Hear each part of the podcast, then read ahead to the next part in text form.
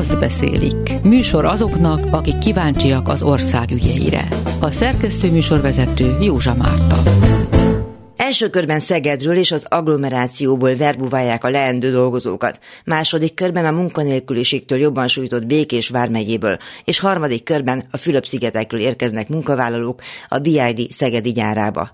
Írta a népszavában Bot Péter, aki elmondja mindjárt azt is, hogy még a nagy beruházás végleges bejelentése előtt miként értékelte Botka László, Szeged polgármestere az idei évet. Balog Robert, a szabadpécs.hu újságírója a Mőbi nevű új matematikát tanító kártyajátékkal és feltalálójával, Ruf Jánossal, a Pécsi Tudományegyetem Matematikai és Informatikai Intézet matematika tanszékének adjunktusával ismertet meg bennünket. Huszka Imre a kaposté.hu-tól pedig azt mondja el, sötétben botrokálnak-e idén is a Somogyi megyeszékhelyen, és hogy megérte ezt tenniük tavaly. Bot Péter van egy Szegedről a Népszavának a munkatársa. Bot Karászló összegezte ezt az évet, ugye az annak azért is van jelentősége, mert az önkormányzati választások előtti évet hát összegzi, vagy fontolja meg. Sok fejlesztés is történt. Mi az, ami probléma, mi az, ami jól ment? Szokás szerint a önkormányzati heti labban szokott a karácsony előtti számban, vagy a karácsony számban egy nagy interjút adni a város polgármestere. Ez az idén is így történt. Nyilván nagyon sok témát érintettek, hát felsorolásszerűen mondom, ugye az utóbbi évtizedek egyik legsúlyosabb megélhetési válságát élte át Magyarország, és nyilván ezen belül Szeged is 2023-ban. Erre az önkormányzat a maga eszközeivel megpróbált úgy válaszolni, hogy azt a szociális hálót, amit évtizedek óta a fon és sző, azt megpróbálták még sűrűbbre fonni, és hát itt a polgármester elmondta, hogy egyrészt ugye pénzbeli támogatást kaptak alanyi jogon a szegedi nyugdíjasok, az általános iskolások, valamint a rokkan nyugdíjasok, hát ezek 15 ezer forintos tételek, karácsonyi csomagot kapnak a gyerekek, illetve tűzifát a rászorulók, mindez összesen 1,5 milliárd forintba kerül, ami annak a figyelembevételével azért tényleg eléggé figyelemre méltó, hogy, hogy rendkívüli elvonások sújtják az önkormányzatokat. Gondoljunk arra, hogy a súlyadót elvonták, a helyi parüzési adót elvonták, és hát nagyon sok önkormányzati feladatnak a finanszírozására nem kapják meg a helyhatóságok azt a pénzt, ami, amiből a feladat ellátható. Ennek ellenére azt emelte ki Botka László, hogy azért a fejlesztések folytatódnak, nyilván nem azzal a töretlenséggel, mint korábban, de folytatódnak. Nem ez a jövőre is. Mennyire lehet hosszú Igen. távon tervezni? Hosszú távon nyilván lehet tervezni, de itt most a, a, a 2023-as eredményeket tudnám összefoglalni. Egyrészt a polgármester azt emelte ki, hogy az útfelújítások továbbra is folytatódtak. Arról beszélt, hogy közel két milliárd forintért elkészült a Kálvária tér idősek otthonának a teljes rekonstrukciója, és egyébként tehát a szegény ember vízzel főz effektusa is bekapcsolódik itt, mert ő azt mondta, hogy önmagában azt is egy nagyon nagy eredménynek tartja, hogy az önkormányzat alkalmazásában lévő 5300 dolgozónak a munkahelyét meg tudták tartani. Ez nyilván egy nagyon fontos dolog, Említette azt is, és itt azért egy nagyon finom ellentmondásra szeretném fölhívni a figyelmet, hogy Szeged az a város, ahol a legnagyobb a foglalkoztatottság valamennyi magyar város közül. Azért gondoljunk bele, hogy elég erős a mezőny, mert Győr, Székesfélvár, Veszprém vagy Szombathely, azért tényleg ipar a gazdaság eléggé fejlett. Hát ha ezeknél nagyobb a foglalkoztatottság, az, az, az jót jelent, de ugye fölrémlik az, hogy a kínai elektromos autógyár a BID bejelentette, hogy Szegeden szeretne egy nagy gyárat építeni. Nyilván ehhez munkaerő kell, a, a hírek arról szólnak, hogy 3000 munkahelyet fognak itt teremteni. Hát azért egy pici kérdőlet itt rajzolnék oda, hogy, hogy, hogy mindez helyből hogyan lesz megvalósítható, vagy egyáltalán a város és a térsége hogyan tud hozzájárulni ennek a 3000 embernek a prezentálásához. Úgyhogy azért a jövő itt még tartogat meglepetéseket szerintem. Ezzel együtt azért sok jó minden érte Szegedet idén a Nobel-díjtól elkezdve eladdig, hogy a, a tudományos és informatikai fejlesztések azok jót tesznek a városnak, és ahhoz, hogy ilyen tudás alapú városá váljék. Igen, éppen ezt akartam mondani, hogy, hogy 2023 az, az könnyen lehet, hogy történelmi évként fog bevonulni Szeged történetébe, éppen azért, amit említettél, hogy Karikó Katalin ugye idén kapott Nobel-díjat, ő a második szegedi Nobel-díjas, de hát jó régen, 1937-ben volt, amikor ugye Szentgyörgyi Albert Nobel-díjat kapott, tehát ez mindenképpen egy olyan, olyan ö, unikális esemény, ami, ami önmagában történelmivé avatja ezt az évet, és történelmivé avathatja az is, és itt most hadd kapcsoljak vissza a kínai autógyárnak a, a lehetséges megtelepüléséhez, hogy a kínai cég azt jelezte korábban, hogy ez év végéig megtörténik a hivatalos bejelentése annak, hogy hol, mikor, hogyan fog ez a gyár fölépülni. Ugye itt egy 5 milliárd eurós beruházásról van szó, ami Magyarországon a minden idők legnagyobb beruházását jelenti.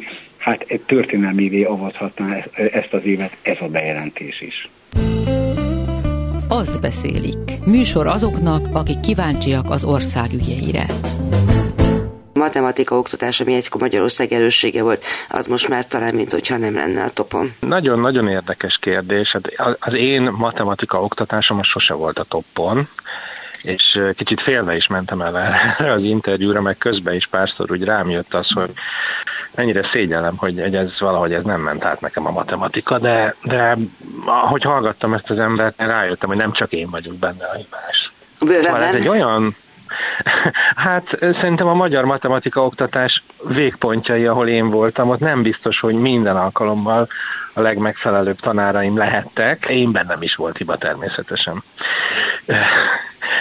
Szóval egy ilyen, ilyen furcsa, furcsa érzéssel mentem oda ez az emberhez, és nagyon jó volt azt megtapasztalni, hogy Ruf János képes volt velem megértetni egy viszonylag bonyolult dolgot is.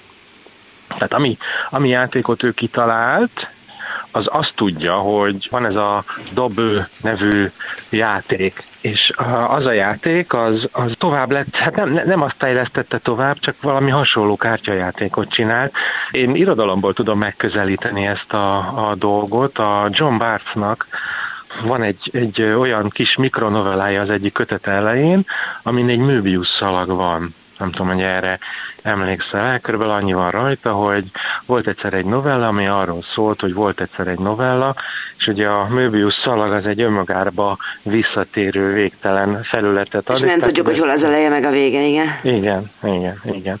Ennek a matematikájával foglalkozik, számomra, hogy ezt megértettem, hogy ez ennél bonyolultabb, dolog, és ebből talált ki egy olyan játékot, hogy van egy kártya, ahol három azonos szimbólumot kell felfedezni, ez ugye a kiinduló pontja a játéknak, és akkor elkezdett e, ebbe egyre jobban bevezetni, és egyszer csak így összeállt a dolog, és nagyon... Tehát találtál egy játékot, amivel végre tudsz játszani. Igen, igen. Hát, de, de hogy ez, ennek van egy matematikai alapja is.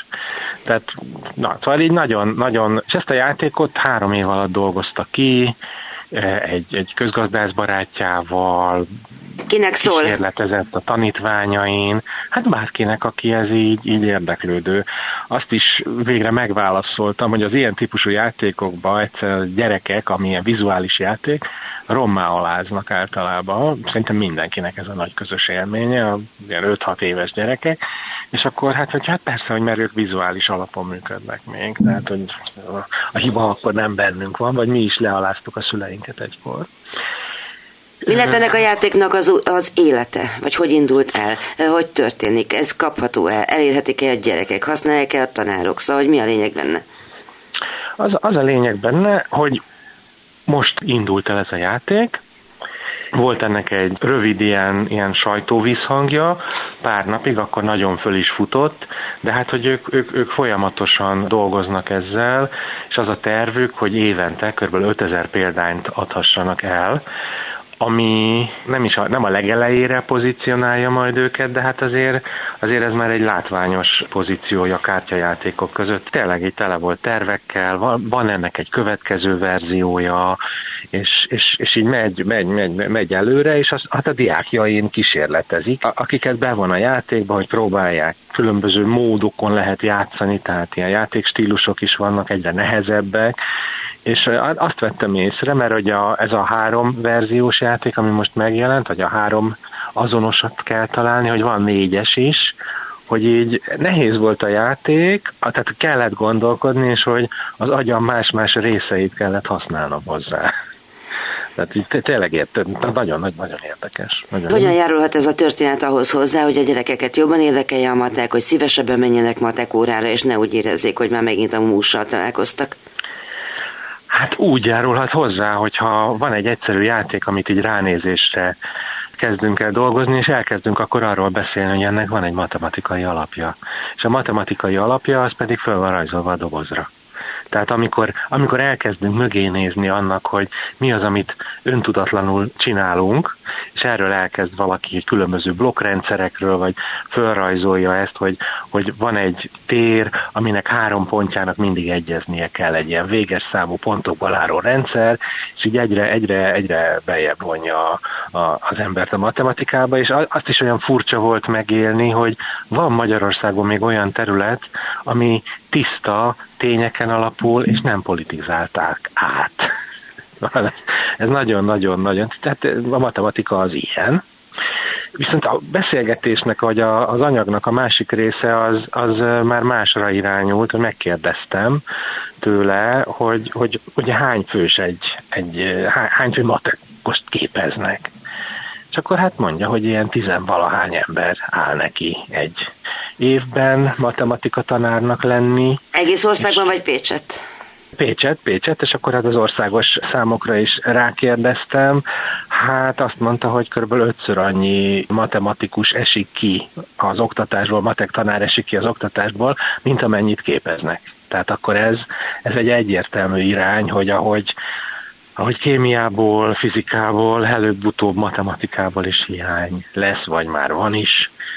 Tehát ez, ezen változtatni kellene. Én föltettem azt a nagyon egyszerű és könnyű kérdést, hogy hát hogy hogyan lehetne ezen változtatni. Hát a, persze a jós tehetséget azt mondta, hogy ezt ő se tudja pontosan, de, de az lenne a minimum, hogy két-háromszoros fizetés legyen. Uh, igen. mert, mert, mert hát máskülönben ugye egy matematikus végzettségű ember, aki átlát bonyolult, sok számból álló rendszereket, matematikus agya van, az el tud helyezkedni egy biztosítótársaságnál, bárhol, ahol, ahol ö, ilyen... Egy bankban vagy egyáltalán, persze, igen. Bankban, igen. Tehát így, így ö, ö, miért, miért roncsa a saját életét azzal, hogy, hogy harmad annyit keres. Ugye ez, ez nagyon-nagyon érdekes föltevés, és hát jó, ez nem most alakult ki, hogy a tanárokat ennyire rosszul fizetik, de hát lett volna erre akár most a jelenlegi kormányzatnak is tizenéve, hogy rendezze. De hát ezt, ezt ugye ezt én mondom, ezt nem ő mondja, de hát így meg kell, meg kell ezt, végig kell ezt gondolni, hogy hogyha dupla annyi, még az sem biztos, hogy elég, mert ugye egy, egy pedagógusnak a terhelése az nem csak az órákból áll, hanem ott adminisztrálni is kell, iszonyat mennyiséget ahhoz képest, tehát itt több, én is tanárszakon végeztem, de sose tanítottam, tehát igen, tehát így de hallottam és mesélik, hogy miket kell csinálniuk. Az óraterhelés is szintén jóval nagyobb, egy, tehát ez az általános pedagógusi sors, meg az, hogy mit tanít, az ugyanúgy egy matek tanára is vonatkozik, csak a szaktárgya az más, mint egy magyar tanár esetében, vagy egy biológia tanár esetében. Ez a jövő kérdése, két forintos kérdés, hogy hogyan oldódik ez meg. Azt beszélik. Műsor azoknak, akik kíváncsiak az ország ügyeire. Huszka Imre van itt Kaposvártól, kaposté.hu. Láttam a lapon egy fényképet, ami egy nagyon kellemesen, homályosan és romantikusan feketébe sötétbe borult Kaposvárról szól. Gondolom azt tudhatja illusztrálni ez a felvétel, hogy hónapokon keresztül botorkáltak a kaposvárjiak a rezsicsökkentés, illetve hát a takarékosság és a háborús nem tudom minek a jegyében. Szóval lehetne most látni Kaposváron, hogyha éjszaka oda mennék bármit is, és sikerült egy vonatot spórolni a városnak azon, hogy sötétbe ítélte, vagy sötétre ítélte a lakókat. Valóban a közgyűlés most végső soron úgy határozott, hogy miután ez a kormányrendelet, ami lehetővé teszi a közvilágítás korlátozását, ez hatáját veszti hamarosan, ezért Kaposváron is visszaállítják a közvilágítást, aminek lényegében 50%-os csökkentését döntött el. És ez mind melyik így volt? végén. Igen, tehát ez, ez lényegében a fele az közvilágításnak ki lett kapcsolva. Folyamatban van a visszakapcsolás. Jó pár helyen még pontosan ebben a belvárosi utcában, ami a cikknek a címlapképe, az Ezeredi utcában még szintén nincsen visszakapcsolva, és más belvárosi helyeken is mondhatjuk úgy, hogy még mindig tök sötét van. De hát majd előbb-utóbb a szerelők ide érkeznek, és akkor vissza fogják állítani a lámpákat.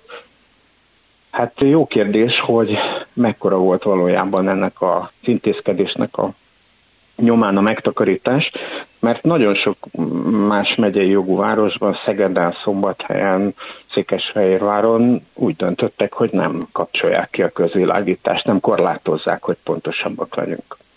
És Kaposváron viszont úgy gondolták Szita Károlyal az élen, hogy, hogy meg kell lépniük ezt a takarékossági intézkedést.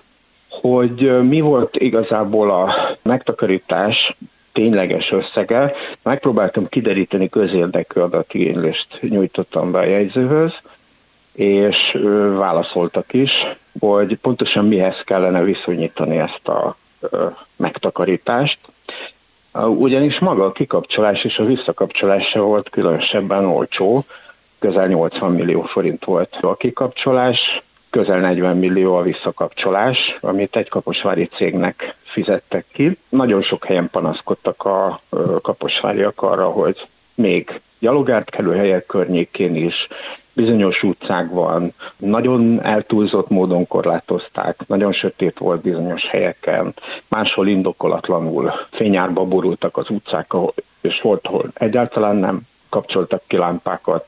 Tehát meglehetősen vegyes volt a fogadtatása ennek, a, ennek az egész intézkedésnek. Pontosan nem lehet tudni, vagyis nagyon nehéz kikövetkeztetni a számokból, hogy valójában mekkora volt a megtakarítás. Ugyanis a, az előzetesen a közgyűlésen azt mondta Szita Károly polgármester, hogy 400 millió forintot fog megtakarítani a, a város. A mennyiből? Most a, ez is kérdés, mert először nyilatkozott, amikor először nyilatkozott a polgármester, akkor 1 milliárd 300 millió forintról beszélt, hogy annyi lenne a 2022 végén borzasztóan megemelkedett piaci villamosenergia ár miatt a, a közvilágításnak a villanyszámlája.